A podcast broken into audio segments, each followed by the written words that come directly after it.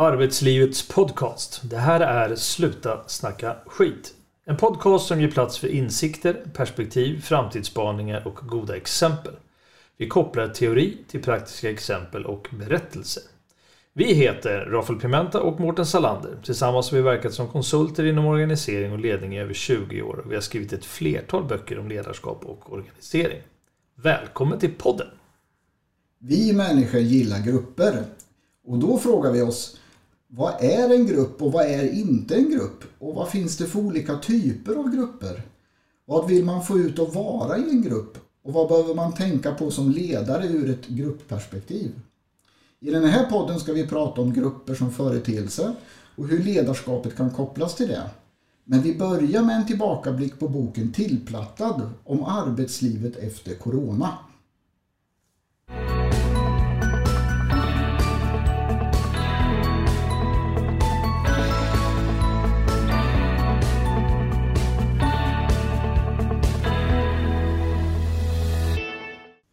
Okej Rafael, men nu är det ju ett år sedan vi skrev vår sjunde bok, den vi kallade för Tillplattad om arbetslivet efter Corona. Ja, just det, den ja. Eh, men vad var det som hände oss förra våren och hur, hur tänkte vi och varför skrev vi boken egentligen?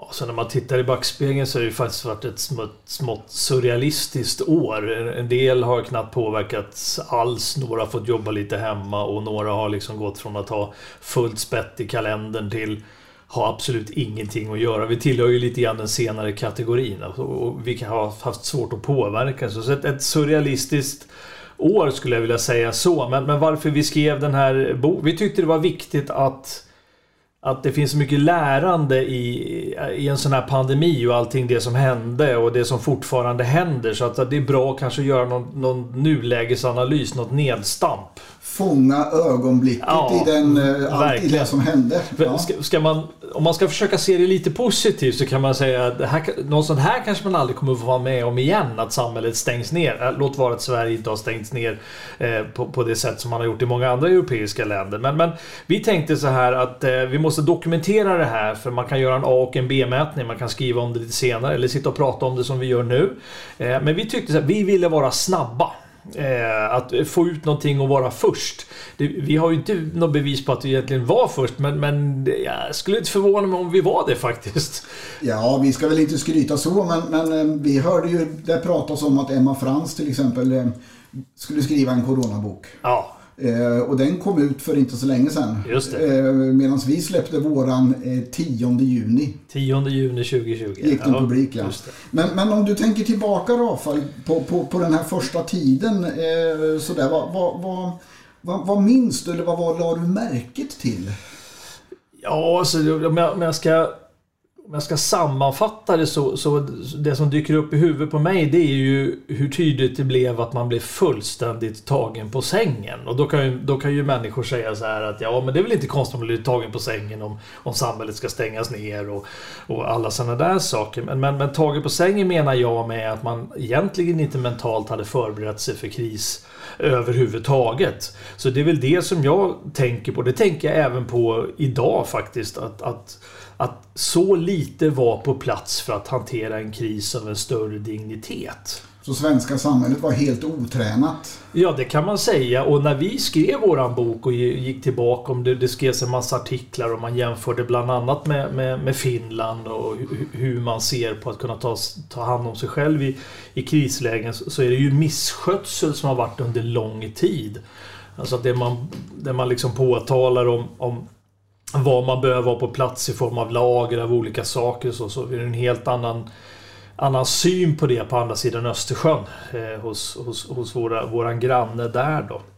Eh, det andra jag tänker på som faktiskt gör lite ont, det måste jag säga, det är ju den, den hemska känslan att man inte förstår under vilka villkor väldigt många småföretagare lever under. Utan man, man tittar på dem som ett stort bolag med många anställda och det ser ut på ett visst sätt. Sådär. Att man inte förstår att det är lite ur hand i mun och, och, och att man har liksom ketchup-effekt på sina inkomster och sådana här saker. Och att man faktiskt inte vet hur det är att driva småföretag överhuvudtaget från regeringshåll. Och då säger jag det är klart att de vet det. Men jag jag tror inte de har en aning. Nej, ja, vad skönt att du säger det. Jag vill inte vara så hård och kategorisk. Men, men, men det förvånade mig och nu så skrämmer det mig.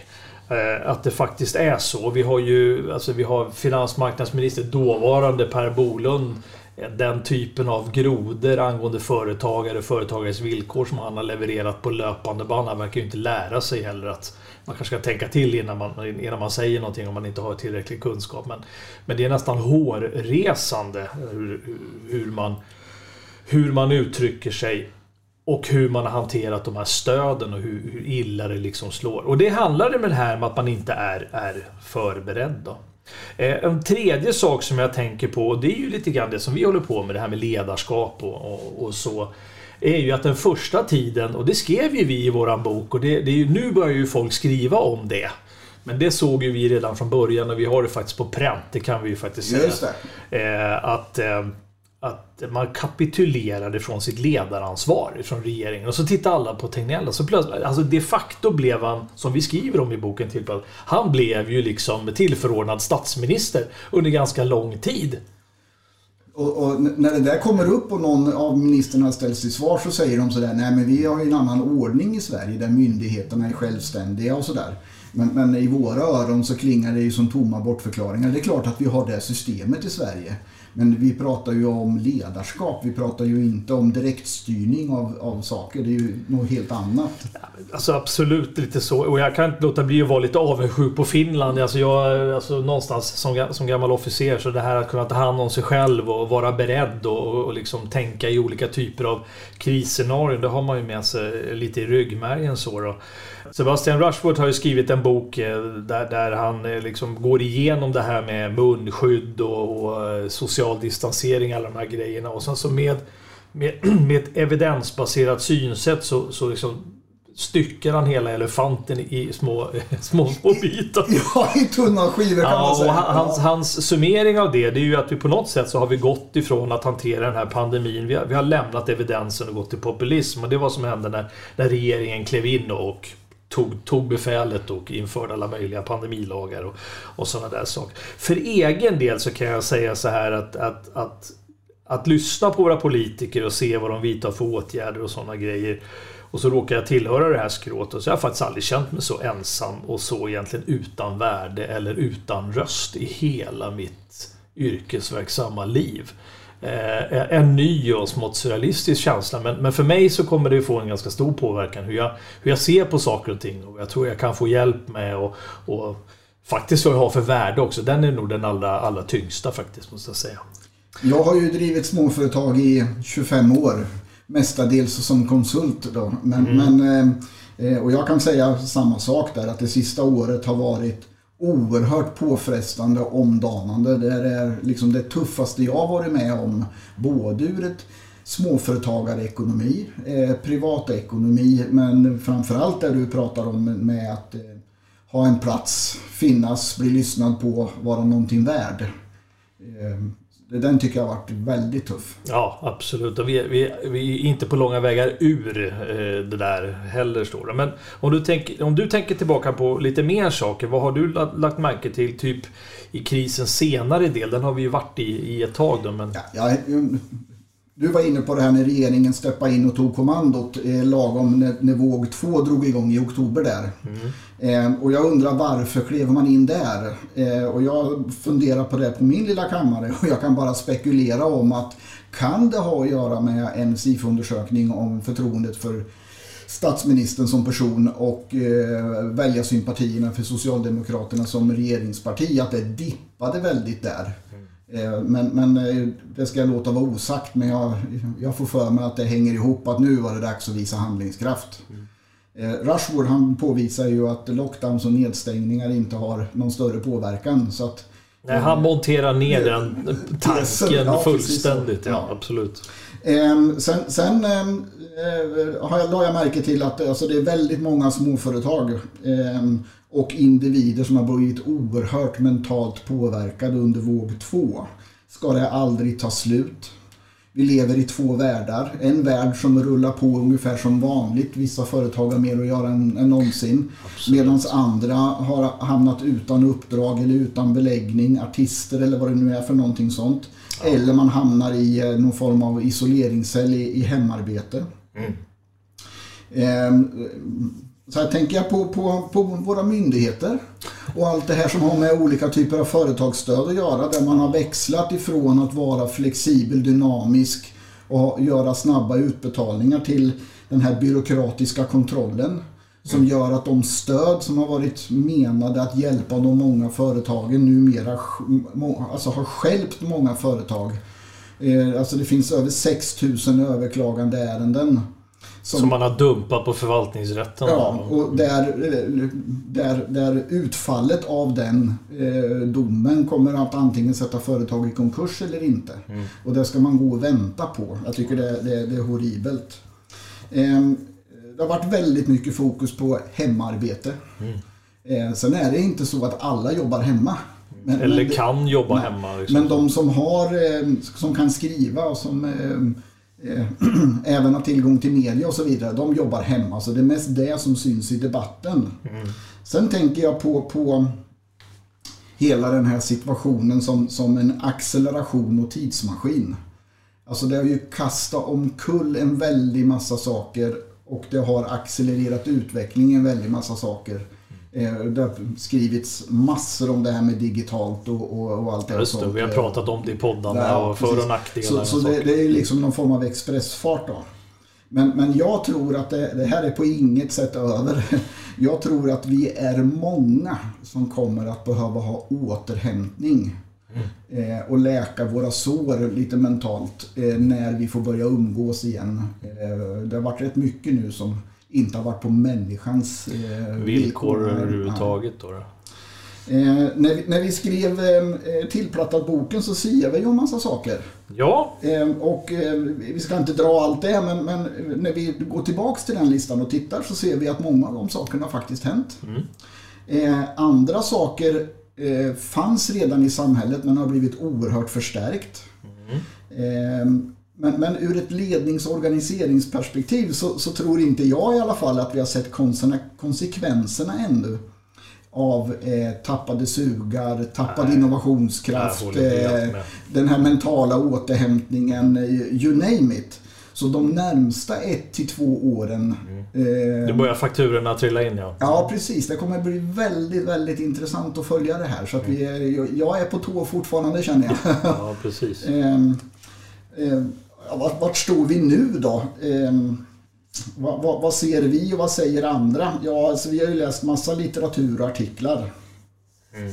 Alltså det nya onormala eller normala, eh, det är ju här för att stanna. Det är låga arbetssätt, organisationer, mm. arbetsplatsens funktion. Mm. Om vi pratar icke-producerad, alltså det är klart eh, ni på Scania i Oskarshamn eller på, på Remaster i, i Rimforsa. Alltså där, där bör man ju vara på plats när man tillverkar saker. Mm. Eh, så. Men, men för övrigt så kommer arbetsplatsens funktion att bli något annat. Ja. Eh, jag tror, som du var inne på förut, på väldigt mycket förändrade drivkrafter och behov hos individerna. Ja. Eh, både privat och i jobbet. Alltså det här underskottet i mänskliga behov, alltså det blir en jätteskuld i både medarbetarna och organisationernas balansräkning. Som kommer att, det kommer att kosta att betala av på den ja, för att komma ikapp. Eh, det var några saker, men det finns, för den intresserade finns det mycket mer. Just det. Man kan läsa eh, Emma Frans bok som heter Alla tvättar händer. Min berättelse från året då alla skyllde på varann. Mm. Den är lite av en dagbok. Ja. Men den är eh, fantastiskt vitaliserande för att då eh, Just det, så var det. Det hände ju det datumet. Mm. Eh, och, och, mycket kopplat ur expertis och forskning. Absolut läsvärd. Man kan läsa Corona Express av Kjella Nordström och Per Schlingman. Mm. lite enklare, mm. lite mindre text men, men rätt kärnfull på, på, på slutet. Man kan även läsa en bok som heter Corona, ett historiskt perspektiv på vår tids pandemi av Fredrik Ljungqvist. Mm. Eh, så att det finns eh, intressant litteratur att... Eh, Och vill man ha någonting som är väldigt lättillgängligt då kan man gå in på, på slutasnackaskit.se Mm. och gå till våra böcker och läsa tillplattad. Just det. Den har ett år på nacken nu Mm. men den innehåller väldigt mycket bra saker. Absolut. Och vi Och kan den, är väl... helt, den är helt fri att läsa. Ja, Ja. Absolut. Och ska vi skryta lite så är vi eh, snart uppe på 1100 läsare. Ja. Eh, och det är väl att betrakta som en hygglig upplaga på en eh, fackbok. Från fackboken, precis sådär. Och vi kan väl eh, nästan ta för givet att det kommer att trilla in mer böcker i stridström här nu. Beroende på när de blir, blir klara. På temat i alla fall. På temat. så. corona. Men ska jag sammanfatta de här böckerna som vi har plöjt, du och jag har plöjt Mm. de sista veckorna, så, så, så de kondenserar ner till ungefär samma saker. Mm. Och några av de mest vitala nämnde jag alldeles nyss. I ingressen så pratade vi ju om att det här avsnittet skulle handla, om, handla om, mer om grupper. Men om vi spårar in där då Rafael, och, och vad, vad, vad vill vi få ut av en grupp?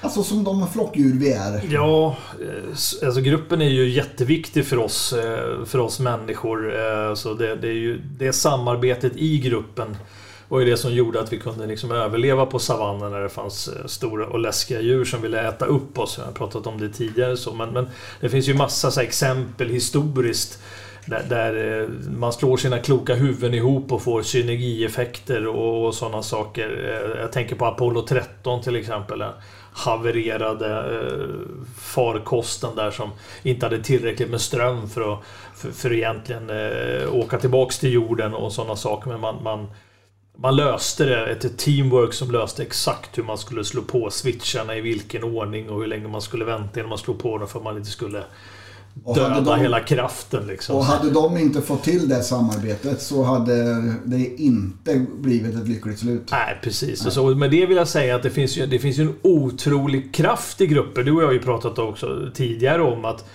det finns ganska många människor som faktiskt aldrig aldrig har fått vara i en grupp där man får känna att man är en del av den, den kraften. Man har jobbat parallellt med varandra och så men vi har ändå ett, ett enormt behov av att tillhöra väl fungerande grupper för, för vi vill känna på den där kraften. Och då tänker jag lite grann på det här med Corona och, och, och om vi inte träffas. Så vad händer om vi löser upp alla de här grupperna? Så att man inte får en chans att ingå i den här gruppsammanhanget och umgås in real life som man säger. Och löser man upp de här grupperna och missar de här bitarna, hur leder man människor då? Alltså vi har pratat om produktionsuppgift och, och, och, och samspelsuppgift. Alltså hur, hur, hur leder man det där? Om vi liksom inte får till det här med grupper på ett bra sätt. Då? Men det finns ju andra grejer som man kan tänka på kopplat till, till grupper. Alltså vad man vill få ut och inte få ut. Då. Vad, vad, vad tänker du om det? Ja, alltså det finns ju en, en person som vi gillar stenhårt som heter Björn Nilsson. Vi ska ju prata om hans bok sen lite grann. Just det. Eh, Han är lektor i socialpsykologi vid Linköpings universitet. Ja, tjusigt värre. Eh, tjusigt värre, men, men bara för eh, han har lite att komma med om man säger så. Men, Mm. men han har eh, gjort några listor eller kommit fram till några saker eh, vad man vill få ut av en grupp. Eh, och han, han eh, säger så här att i en grupp vill man trivas, Mm. eh, få bekräftelse, Mm. vara effektiv. Man vill möta utmaningar ihop med andra.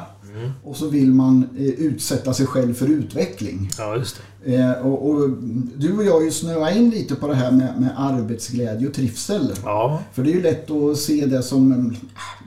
att vi ska ha trevligt i största allmänhet. Ja, och säga men du får ju lön, det är ju ett arbete. Ja. Skärp, skärp dig, nu kör vi. Och så. Men, men eh, Björn menar ju att trivsel är en nyckelfaktor Ja, det. för att vi ska vara effektiva och hållbara tillsammans. Då. Mm.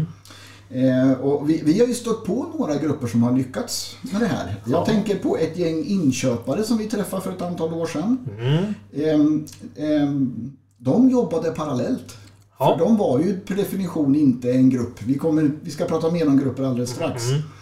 Eh, och vi frågade ju dem vad skulle ni kunna ha varandra till? De var ju 12 personer i den här Ja, korridoren. just det. Precis. Nej, men de tittade ju på oss med, med Tom bekymrad blick, ja, precis. Och sa att nej, men jag köper ju skruv och han köper ju mutter och Så. Lisa där borta köper ju någonting annat. Så vad, det förstår jag inte. Nej. Och så kom de på att de kunde vara varandras bästa eh, utvecklingsresurs, stöd Mm. eh, och en mängd sådana här saker. Och att de hade enormt mycket gemensamt fast de bara... De hade aldrig pratat om det eller Nej, tänkt i jag de hade aldrig pratat om det. så. Nej. Eh, och, och så tänker jag på en, en eh, ganska stor butik som vi var engagerade i här för, för häromåret. Där, där vi identifierade tre grupper som egentligen krigade med varandra i den butiken. Ja. Och de kallade varandra massa saker. De, lång, de långsamma och de Ja, gamla. och snabba, unga. Ja, och lite allt möjligt Ja. sånt där. Eh, till, till att de kom på att de kunde jobba med och för varandra. Mm. Och så vart det en helt annan arbetsglädje. Och den butiken slog ju all time high någonsin. Både för sig själv och i den kedja som den ingick i. När de fick till det där samarbetet. Mm. Just Jag tänker kopplingen till din Apollo 13. Ja. Eh, Men, men Björn menar ju också att det finns saker vi inte vill ha i gruppsammanhang. Ja, precis. Vi vill inte vantrivas. Nej. Vi vill inte bli förlöjligade. Vi vill inte vara ineffektiva.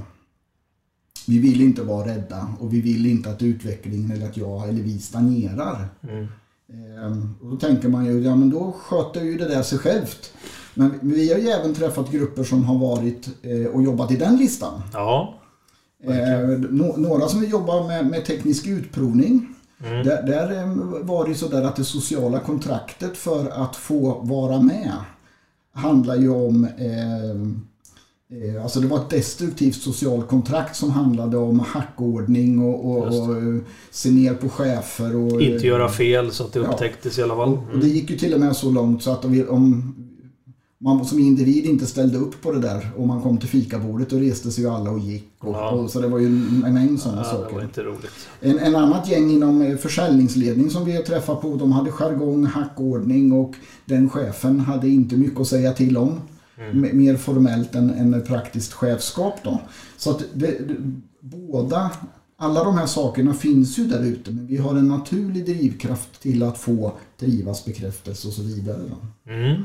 Men mer om grupper då, Rafael? Ja, alltså eh, man, om man funderar lite grann på vad som, som gör en grupp effektiv. Du pratade lite grann om vad vi vill få ut av grupper så, här, så, så finns det ju några så här tydliga bullets och så. När man räknar upp dem så, så tänker folk så här, ja, alltså, men det är ju det är ju inte så svårt att räkna ut att det där borde vara med. Men, men då, sen kommer då intressant, alltså så här, varför gör vi det då inte? Var, var, varför liksom skapar vi inte förutsättningarna för att få det här på plats när vi alla vet vinsten? Alltså vad, vad är det som gör att det inte... Men, men de här grejerna som, som, som utmärker effektiva grupper, då är det naturligtvis en tydlig målbild. Då. Och då finns det ju två grejer i den här. Det ena är att man ska acceptera målbilden och det andra att man ska, att man ska begripa vad den innebär för mig i vardagen. Eh, Jag har pratat om det förut lite grann. Då. Alltså jag börjar bara hänga på det där med, med mål. Mm, För det är ju nämligen det, det är ju grunden i allt. precis. Eh, För om vi inte har någonting gemensamt, Mm. då finns det ju ingen anledning att träffas. Nej, då är det inte ens en grupp. Nej, precis. det Nej, inte i någon form. Mm. Och, och är vi tillbaks på savannen, Mm. eh, för människan vart ju framstående som, som däggdjur på jorden för att vi var duktiga på att samarbeta och att vi höll ihop i grupper. Men då var ju målet att överleva. Det Ja, var just ganska självklart. Exakt. Ja, Precis. ja, lite så. Ja, men mål, målbild är ju en sån där tydlig byggsten då för, som utmärker en effektiv grupp. Då, då. Och sen behöver man ju ha en trygg miljö i den här gruppen. Alltså där det är okej att idéer flödar fritt. Eh, så att det är okej att göra fel, man lär sig av misstag och sånt. Men det måste ändå finnas en känsla av att här kan man säga det man tänker på eller det man liksom ser framför sig och sådana saker. Eh, sen behöver vi liksom ha koll på hur vi beter oss mot varandra. Det, här, det kallas ju för spelregler, brukar man ju ha på dagis och så. Och då brukar ju du och jag säga det behöver man i vanliga arbetslivet också när det finns vuxna människor som uppträder som barn som inte har lärt sig normer. precis så. Lite så. Men spelregler är väldigt bra för de ger också en möjlighet att prata om grejer som är lite svårt att ta på. Alltså när vi har med varandra att göra. Då, då. Att man har en öppen och rak kommunikation. Att, att, vi inte, att vi inte ska gissa oss till vad det är som gäller eller vad andra tycker och så. Då. Eh, att man behöver olika typer av individer. Du och jag pratar ju om olikheter. Alltså att olikheterna berikar. Att vi behöver människor som har naturligt jag ska inte säga naturliga skills, men att man, att man naturligt intresserar sig för och bevakar vissa grejer. En del bevakar ordning och reda, en del bevakar att målen nås, en del bevakar att vi liksom inte sitter fast och är kreera. Och en del bevakar liksom att vi människor funkar ihop och så. Så har vi fått in alla de fyra beteendestilarna i IDI som, som du och jag jobbar med. Då. Eh, För om vi kan få olika individer att jobba bra ihop så kompletterar man varandra. Eh, Helt enkelt. God möteskultur är också en sån sak att vi har inte tid att slösa bort eh, vår tid på möten och det är ju intressant nu under Corona där folk säger vi blir så mycket mer effektiva när vi sitter hemma och jobbar och, och, och liksom på Teams eller på Zoom och så här. Och då brukar jag tänka så här, jag vänder på det resonemanget, så här, vad är det som gör att vi slarvar med noggrannheten när vi har träffats på möten tidigare? Alltså kan vi inte bara göra mötena jätteeffektiva när vi träffas också så kanske vi får får andra saker tillfredsställda också. Och, och pratar vi lite mer mötesteknik så där så, så menar ju du och jag menar ju att om underskottet av socialisering och att vi känner varandra för dåligt. Så är det det som rör till mötena för att då sysslar ju deltagarna med att försöka tillfredsställa det behovet. Ja, ja istället för att foka på eh, så. Och i och med att det blir väldigt bortskalat i den digitala miljön så uppfattar vi ju det men då, eh, som effektivare. Men det bygger ju på det där underskottet i balansräkningen av att känna för eller känna med varann. Ja, det. Så det är ju ett pris sen för den där effektiviteten som är en, en snabb check sådär. Ja, mm. precis. Absolut, så är det. Mm, om jag knallar vidare i, i bulletslistan här då. Så, så effektiva och genomtänkta rutiner är också något som utmärker grupper. Och, och, då skulle man kunna se det som så här att man, man behöver liksom på något sätt revidera de rutiner och sådana saker som man har. För att komma fram till om de liksom fyller någon funktion eller inte. Upplever du ut arbetslivet att det sker? Ja, men det är ju klart. Det finns ju, alltså, vi träffar ju jättemånga som jag följer den här rutinen men jag har liksom ingen aning. Den tar en massa tid och det eh, ja, alltså att, att, man inte tycker att de är effektiva helt enkelt. Då. Och sen sist men inte minst ett välfungerande ledarskap som måste skapa möjligheter för andra att ta ansvar. Så det är väl några grejer som utmärker eh, effektiva grupper. Då. Ja, jag sitter och osökt och tänkte på det jag pratade om alldeles nyss med att jobba hemma och hemarbete. Mm. Ehm, eh, det, det, skapar ju en intuitiv känsla av att inte tillhöra en flock. Ja. Alltså jag ser de andra. Vi, vi har ju pratat med individer som har blivit inrekryterade i en organisation fast fysiskt ännu inte har träffat alla sina jobbarkompisar. Ja. I, och då pratar vi i vårt team som är sex stycken. Mm. Vi har bara umgåtts eh, digitalt då. Eh, och där har vi ju olika drivkrafter. Alltså vi, vi, vi pratade om det i förra podden. För vems skull gör vi saker på jobbet? Ja, är vi liksom eh, är vi upptagna av själva arbetsuppgiften mm. och tycker den är jättespännande? Gör vi det för att det är karriärsfrämjande för mig? Mm. Eller gör vi det för att eh, då får jag ingå i ett socialt sammanhang och det är vi som presterar? Alltså det mm. kan ju vara massa olika saker. Men, men alla är inte ja, vad ska man säga, inte skapta är väl fel ord, men alltså alla är inte motiverade till, vill inte och får inte drivkraft i att vara Key Account Manager över mig själv och min roll och mina mm. arbetsuppgifter. Mm. Utan man behöver ju det här sammanhanget. Och det är oerhört mänskligt nedärvt. Ja. Eh, men vissa har det starkare än andra. Jag kan ju höra bara, alltså, både med, med kunder vi träffar men, men eh, i bekantskapskretsen också. Man tycker åh vad skönt att sitta hemma och jobba och så här, och jag behöver egentligen inte de andra. Men då tänker jag på det gamla ordspråket. Man saknar inte kon för den är ur båset. Ungefär så. Eh, lite så. Och vi pratade om att räkningarna kommer trilla in lite senare. Du sa på ett, två års sikt så kommer det hända saker. Mental återhämtning och sådana grejer. Så att det är klart, en del har ju mindre behov av att umgås med andra och sådana saker. Men det finns ju någon slags miniminivå sådär och, och, man kanske inte man kanske inte förstår det behovet för, förrän eh, liksom det har gått en tid. Nej, precis så. Sådär. Eh, grupper, viktiga en organisation, man avslutar med det, skapar ju en kraft. Eh, en kraft som är väldigt svår att mobilisera på egen, eh, egen hand. Eh, synergier har vi pratat om. Det finns olika drivkrafter och synsätt och åsikter. Alltså den här mixen av alla de här grejerna som uppstår i det här dynamiska samspelet gör att man på något sätt kan kreera det du och jag brukar prata om, det tredje bästa. Liksom. Det finns, finns många som kan vara kreativa på egen hand och innovativa på egen hand. Men jag tror att det lyfter först när man liksom på något sätt kan provskjuta en idé eller testa ett argument. Eller, eller har jag liksom byggt den här strukturen på ett bra sätt. Vad ser du som jag kanske inte ser och sådär. Så, så, så, att eh, ja, vi gillar grupper helt enkelt. Ja, men då kan vi ju prata om alltså, vad, vad är en grupp och hur kan det beskrivas? Det finns lite olika typer av teorier och sådär. Och du och jag brukar ju prata om att en, en bra teori eller den bästa teorin det är ju den som bäst just nu eh, beskriver någonting tills det kommer något annat. Men det, det, finns lite teorier och det finns lite tankar kring grupper där. Men, men eh, skulle du vilja haka på och ja, jag tänker på, ta lead? På, ja, men jag tänker på, på eh, liksom att koppla, koppla grupper och gruppers utveckling eller de medarbetare jag har runt omkring mig, vad har vi för samspelsmognad? Ja, just det. Eh, kopplat till vad behöver jag då som chef och ledare även tänka på. Vi kommer ju till det. Eh, mm. lite så. Men jag tänker på en liten berättelse faktiskt. Eh, mm. Eh, för ett antal år sedan så, så ringde ju telefon mm. Eh, från en stor en, en, kund som har en stor organisation. Mm. Och, och, den här HR-personen uttryckte sig inte riktigt så här, men om jag ska raljera lite så, så lät det ungefär så här vi har en chef som inte fungerar så bra. Eh, kan ni fixa till, eh, i det här fallet, honom? Ja, just det. Mm. Och då svarade ju vi att eh, det är vi inte så säkra på att vi kan fixa till honom för det är liksom inte riktigt så det funkar. Men vi kan ju prata med honom och se om vi kan hjälpa honom. Mm. Så vi åkte dit. Mm. Och satte oss ner och hade en djupintervju med honom. Mm. Och eh, vad var det vi mötte? Jo, vi mötte ju en, en insiktsfull... Ja, verkligen. Kunnig tycker jag. Ja. Trygg och stabil. Och, ja. Han hade funderat över sig själv och eh, sina egna tillkortakommanden och styrkor. Och, sin roll och... Ja, ja så en timme in i samtalet så tittade vi på varandra. Eh, och så undrade vi liksom... Vad är alltså, problemet? Ja, men vi förstod ju inte det. Mm. Eh, så, tills vi började prata om hur det organisationen såg ut runt honom och hans grupp och mm. hur hans medarbetare som han ansvarade för mm. fungerade och vad för typ av beteende de uppvisade. Just det.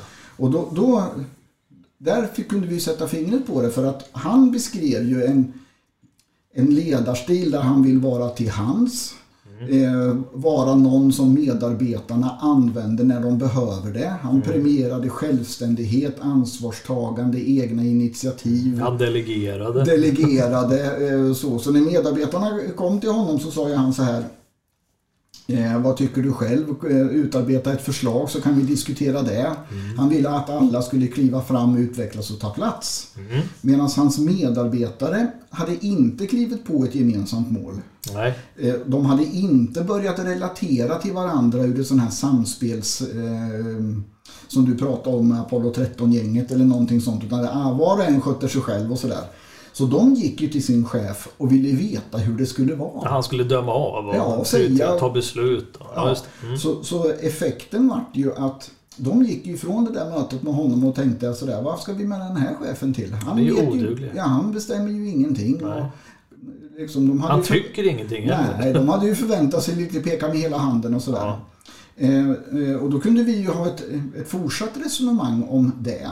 Mm. Eh, och han i och med att det här var en väldigt, väldigt kompetent person så sa han, aha, då förstår jag. Och så började han tänka på de här sakerna i termer av anpassat ledarskapsbeteende. Mm. Och tre månader senare så var det ju ingen issue längre. Nej, Då fungerade ju eh, den här avdelningen bra och på nästa eh, ledarindex så hade hans resultat, betygssättning då gått upp hej och hå sådär. Men då kunde han ju möta gruppens behov. Mm.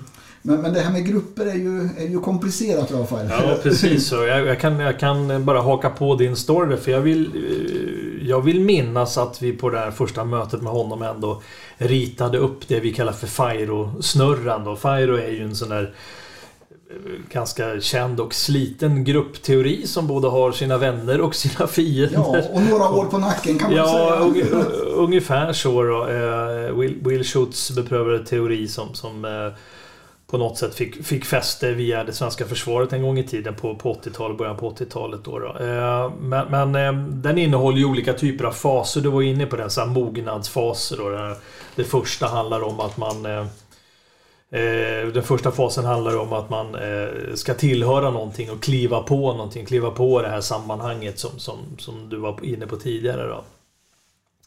Eh, och den andra fasen handlar ju på något sätt om att man ska rangera sin plats i båten. Man använder båt som en metafor. Alltså vem har vilken roll och sådär. Och då pratar vi inte arbetsuppgifter utan det är mer ur ett inflytande perspektiv. Vem har inflytande över vad och vilka frågor och så. Och när man har rätt ut de där grejerna så menar jag då Will att man hamnar i någon slags öppenhets eller samhörighetsfas. Alla vet sin plats, alla vet sitt värde, medlemskapet är liksom säkrat i gruppen och sådär. Och då kan man fullt ut fokusera på, på uppgifter uppgifter och uppstår det konflikter så hanterar man dem på ett konstruktivt sätt för man vet att det, konflikter ligger i vägen för att lösa uppgifter på ett bra sätt. Eh, Jag måste ändå bara flika in lite om det där med konkurrens. Ja. Alltså man konkurrerar ju om så många olika saker. Ja. Eh, en grupp som vi följer ja. de, de, där är det ju två personer som konkurrerar om vem som är mest omtyckt. Ja. Eh, så att det är väldigt mycket eh, tigerkakor, eh, karameller, hemkokt cola. Alla blir smällfeta. så att, och vad heter det? Gemene medarbetare i den gruppen tycker ju att det är fantastiskt fint att vi har två omtänksamma personer här. Medan det är ju konkurrens om roll. Mm. Är det ju.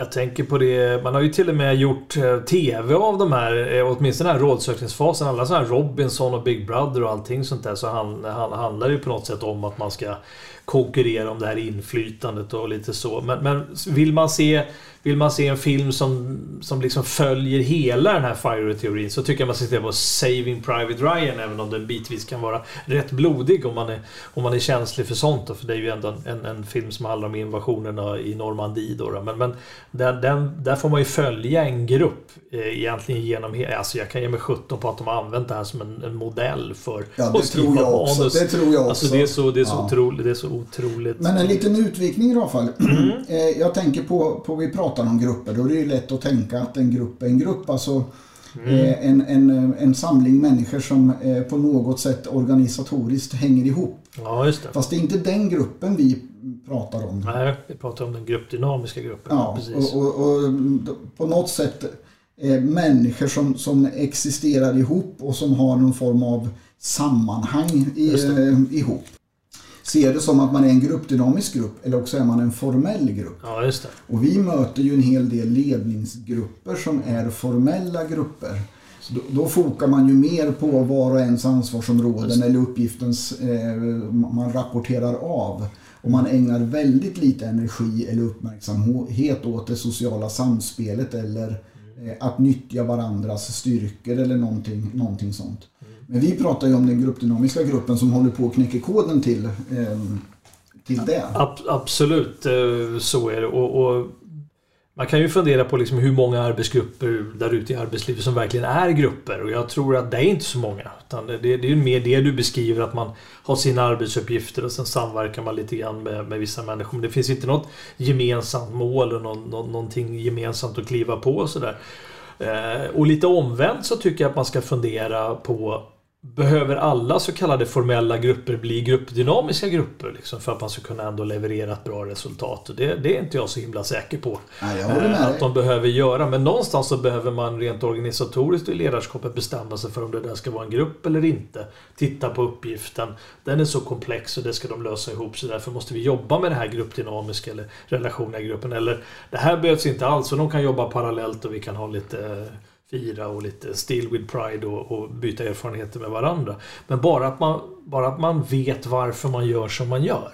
Ja, och vad är, vad, vad är det vi har ihop så att förväntan eh, hänger ihop på det sättet? Ja. Och, och, det var ju lite så när vi, det här exemplet som du drog med den här chefen som var väldigt insiktsfull så, så, så då visar, ritar vi ju den här Fire-snurran för honom och sen så förklarar vi så vad, vad behöver gruppen beroende på hur mogen gruppen är.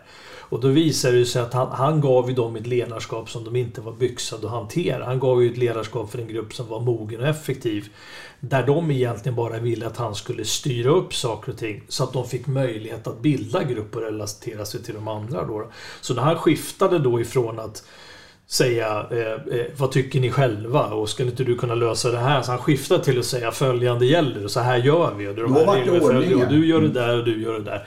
Plötsligt så gick han ju då från en riktig sopa till chef till... Ja, han var ju kanon alltså. Just det, Jättebra just det. Då. Ja. Och det, det jag beskriver nu är ju det som man, man brukar kalla för det situationsanpassade ledarskapet.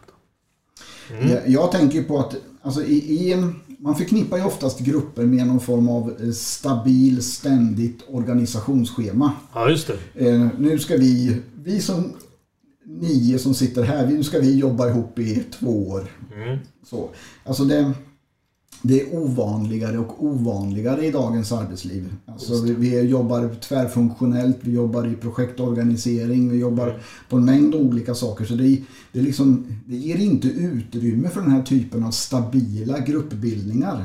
Nej, precis. Ehm, och vad, vad behöver man tänka på då? då? Ja, eh, det- ställer ju helt andra och kanske lite nya krav på, på det här som vi kallar för chefs och ledarskap. Just Alltså då måste man ju fokusera ännu mer som vårt exempel här på, på tydliga ramar, krispiga mål, tydliga tät styrning och uppföljning. Eh, då kan man få det att fungera alldeles utmärkt i alla fall. Utan det vill ju till att inte tro att vi har en grupp när vi inte är en grupp utan att vi är en folksamling. Jag tänker även osökt på det här kontorshotellet i Västervik där jag eh, tillbringar lite tid. Inte så mycket nu i coronatiden men annars. Ja. Och det, vi jobbar ju för 13 eller 14 olika företag vi som sitter där. Ja. Några har eget och sådär. Mm. Men det vi har gemensamt, som är den gemensamma uppgiften, det är trevliga fikaraster och luncher. ja, just det. Det är en Och, och det tar vi på stort allvar. Ja, ja. Eh, Och vi har en fantastisk eh, omtanke och social tillvaro för det är den gemensamma uppgiften som vi enas runt. Då. Det andra har vi ju var och så kan man också tänka. Precis. Eh, vi har pratat lite om FIRE. Det finns en moderna variant. Susan Whelan. Hon har ju skrivit en bok som heter Att skapa effektiva team. Då då. Det finns mycket likheter med, med, med vad heter det? Med, FIRE-teorin. Men, men eh, hon betonar relationsbyggandet mer utförligt. Att det är mycket mer krut där. Och det, det, så så när, när, när företag och arbetsgrupper när de är ute och gör teambuildingar och gör massa sådana grejer så är det egentligen det är egentligen det man gör. Man ser hur man på något sätt kan bygga den här gruppen eller det här fundamentet för att man sen ska kunna ta sig vidare till att bli lite, lite högpresterande. Då. Så, så Fire och Whelan är väl två så att de påminner om varandra men den, den, den ena är, är, är 50 år gammal eller Ja. 60 år gammal och den andra är hyggligt modern. Ja, precis så. Men, men alltså, för- kärnan i bägge teorierna handlar ju om att det handlar om utvecklade sociala relationer mellan gruppens individer. Precis. Det står och faller där. Mm. Och är vi inte beredda till det, då kommer vi aldrig bli en grupp. Nej, Då alltså kan vi vad- bli en folksamling som har saker tillsammans. Absolut, vad ska vi ha varandra till och och sådär. Så människan är ju rätt rationell. Vi är också i grunden lite lata och sparar energi. Så att om vi ska gå in och lägga in energi någonstans då måste det finnas där vinst. Det måste finnas ett vinsttänk i det då. Även om vinsten eller belöningen kan se lite olika ut. Då. Vi, vi träffar ju även mm, många chefer som går omkring med idealbilden eller myten om den, den perfekta arbetsgruppen eller den perfekta projektgruppen. Ja, eller, verkligen, verkligen. Eh, Där skulle vi vilja slå hål på, på, på riktigt. Eh, det är ganska få tillfällen där sammanhang, omständigheter och annat gör att man kan bilda den där ytterst väl fungerande gruppen som kommer att vara stabil över tid. Ja. Eh, vi är mycket snabbrörligare. Alltså människor kommer och går på arbetsplatser. Man går in och ur grupper Ja, på ett helt annat Ja. sätt än vad man gjorde förr. Eh, så, så vi tycker ju liksom att man, tillbaks till det du var inne på förut, jag vill bara poängtera det, det här med, med att kan vi verkligen vara en grupp? Ska vi vara en grupp? Eller ska vi bygga ett ramverk som gör att vi fungerar bra tillsammans i alla fall? Mm. Och så kan vi ha trevligt i fikarummet eller vi kan göra... ehm, Ja, man behöver, vi kan man behöver bestämma sig helt enkelt. Man runt behöver bestämma sig. ja, precis så. Så, så eh, om man bestämmer sig för det och sen gör man sig en liten plan Mm. så kommer man långt runt det här med tänk och ledarskap kopplat till grupper. Och nu har vi kommit till den punkten där vi tänkte vi skulle prata lite om några av orden i din bok Rafael. Ja, Finns det inget jobb där man kan chilla lite, navigera i arbetslivet från A till Ö?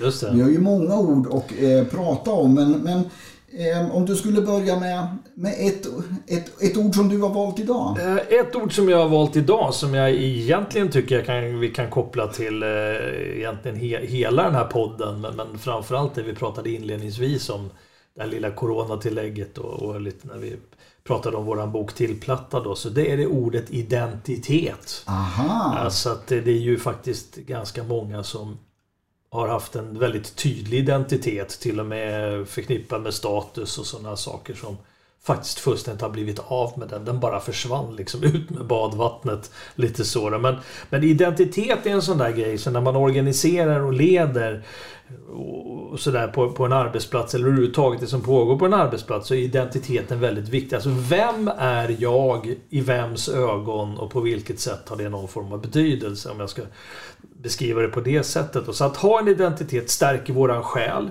Att betyda någonting gör oss starka. Vi kan bidra, vi kan hjälpa, vi kan känna glädje.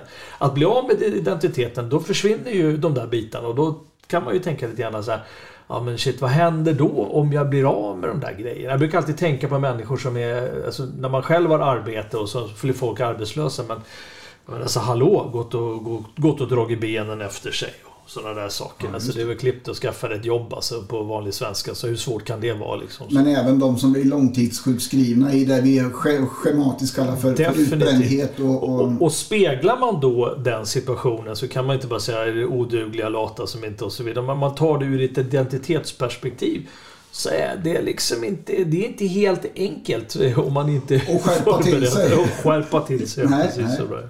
Så. Eh, så att inte vara någon, alltså, det blir vi sjuka av. Vi blir svaga, känner oss onyttiga, värdelösa. Alltså man ser den sena spiralen då. Ja, ja. Så, så, att vara arbetslös, det är fast inte så lätt alltid. Eh, lite så, ursäkta att jag skrattar åt men det. Men en personlig reflektion där. Eh, ja. Vi pratade ju om vad som har hänt, vad som hände med oss förra våren.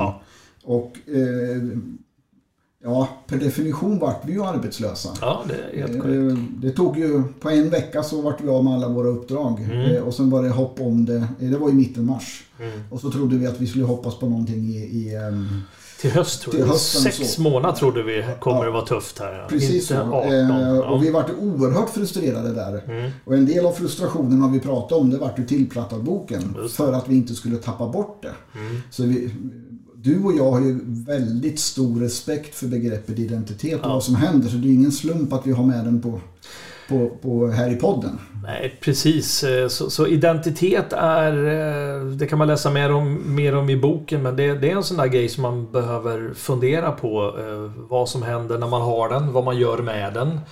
Eh, människor har en trygg, en trygg identitet i, i sig själva och vad som händer när man inte har den så att säga. Så, så, identitet valde jag i alla fall. Har du, har du valt något ord ur boken? Ja, jag, jag hängde på lite där. Eh, jag tyckte arbetsglädje hängde ihop både med identitet och så tyckte jag arbetsglädje hängde ihop med poddens tema eh, mm. Just det. Alltså det, det, är så himla centralt. Mm. Eh, att vi får känna den här eh, liksom känslan av eh, mm. någon form av glädje kopplat till arbetet. Du och jag brukar ju säga att eh, om man har roligt på arbetet eller om man har roligt i, I arbetet. arbetet ja, ja, för har man roligt på arbetet då är det bara en plats där vi garvar åt saker. Mm. Eh, men om vi har roligt i arbetet. Då, det är lite då, en annan tyngd ja. Ja, då, då, finner vi en väldig glädje och stimulans i det vi gör tillsammans och vi ger varandra energi då. Mm. Eh, uppstår det här eh, själv? Nej. Inte direkt. Nej. Man behöver tänka på det vi har pratat om vad det gäller grupper och gruppbildning. Mm. Eh, och man behöver jobba med det strukturerat.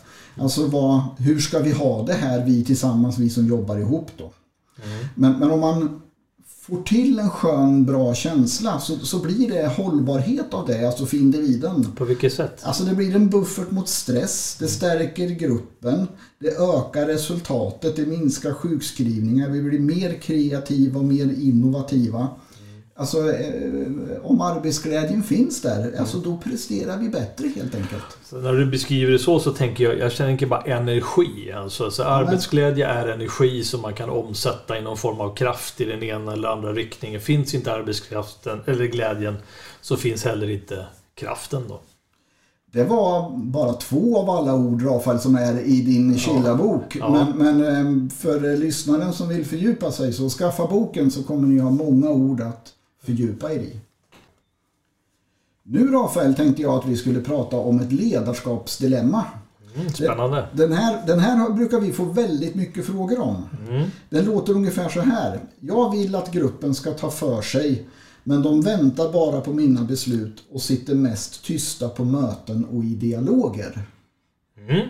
Hur kan man vad, kan man tänka runt det Rafael? Ja, precis. Och som, som av en händelse så har vi pratat om grupper och mognad och grejer. Så har man lyssnat noga på den här podden så, så tror jag att man faktiskt har en del svar, svar på det. Men vi, vi, för ordningens skull så ska vi ta det uppifrån och ner. Så lite allmänt så är det ju så att om man har en omogen grupp, alltså eller inte den är liksom inte bildad, vi pratar om folksamling och sådana saker. Då blir man väldigt beroende av ledaren.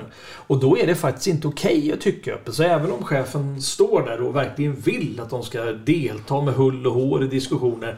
Så är det liksom inte möjligt för att gruppen är upptagen eh, med, med annat. Alltså det är inte okej okay att komma med idéer. Så att jag Troligtvis så, så, beskriver det här en omogen grupp eller, eller en folksamling som inte har kommit ihop sig kring något eller rangerat sina roller och, och sådana saker. Som gör att man faktiskt kan säga det där tar jag på mig och sådana saker. Så, så det, är ingen som vågar säga vad man tycker? Nej, alltså det, vi, vi, brukar ju säga att, att, att om, om, gruppen är omogen så kan man inte förvänta sig att få några ärliga svar. För, för man känner efter vad som är okej okay att tycka eller inte. Då, då.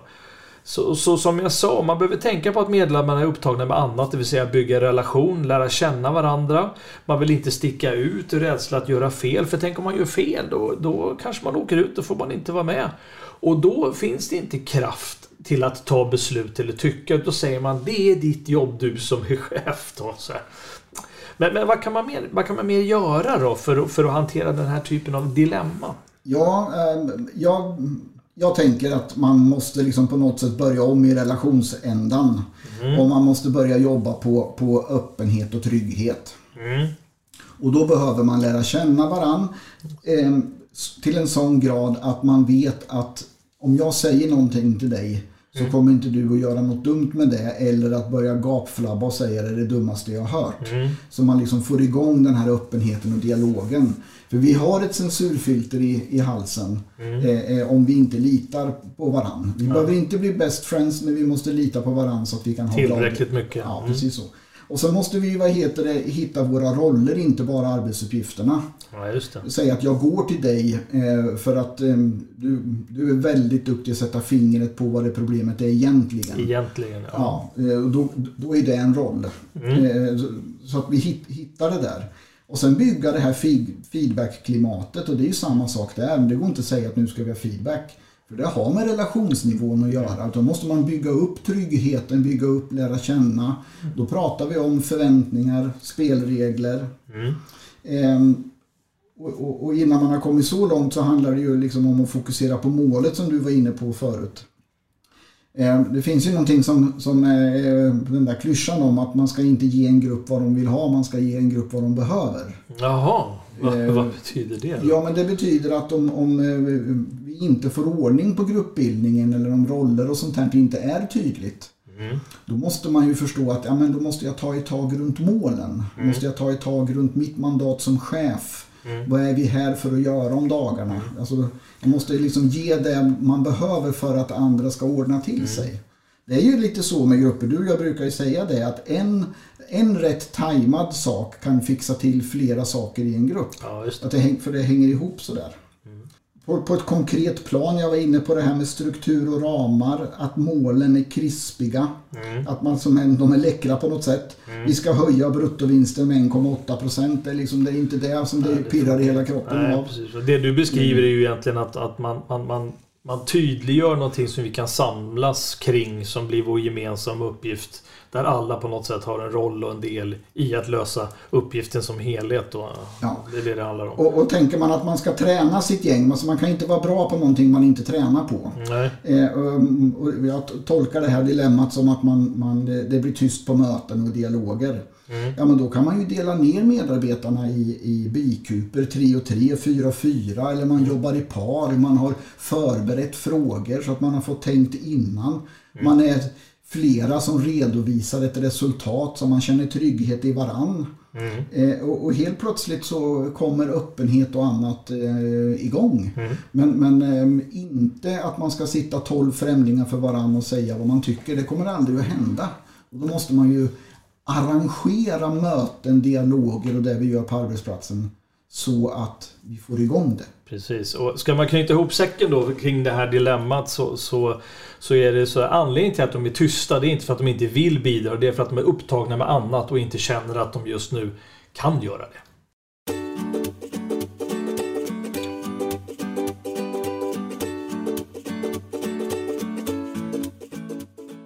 Ja, då börjar vi närma oss slutet på det här avsnittet eh, och eh, vi ska ge, skicka med ett litet tips som avslutning. Vad, vad är det för tips du har Mårten? Ja, som, en, eh, som av en händelse. Som av en händelse. så har vi valt vår vän Björn Nilssons bok Samspel i grupp. Mm. Alltså en introduktion till gruppdynamik.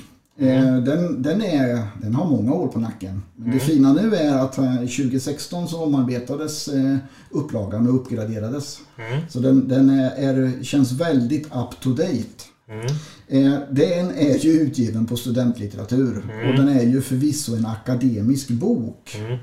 Men den är bra. Den är jäkligt bra. Alltså för den, för den som vill fördjupa sig. Mm.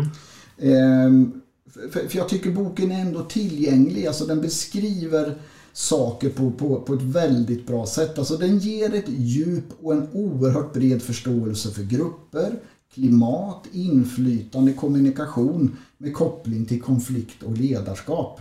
Mm. Så vill man verkligen förstå mekanismer och dynamik i det här området. En bra karta. Så är det här boken. Mm. Så vi kan starkt rekommendera den. Den heter Samspel i grupp, en introduktion till gruppdynamik av Björn Nilsson. Tack för att du har lyssnat. Du hittar oss på Spotify, Apple Podcast, Google Podcast med mera. Helt enkelt där poddar finns och på reframeconsulting.se. Där hittar du även våra böcker och kan beställa dem på reframeconsulting.se våra böcker.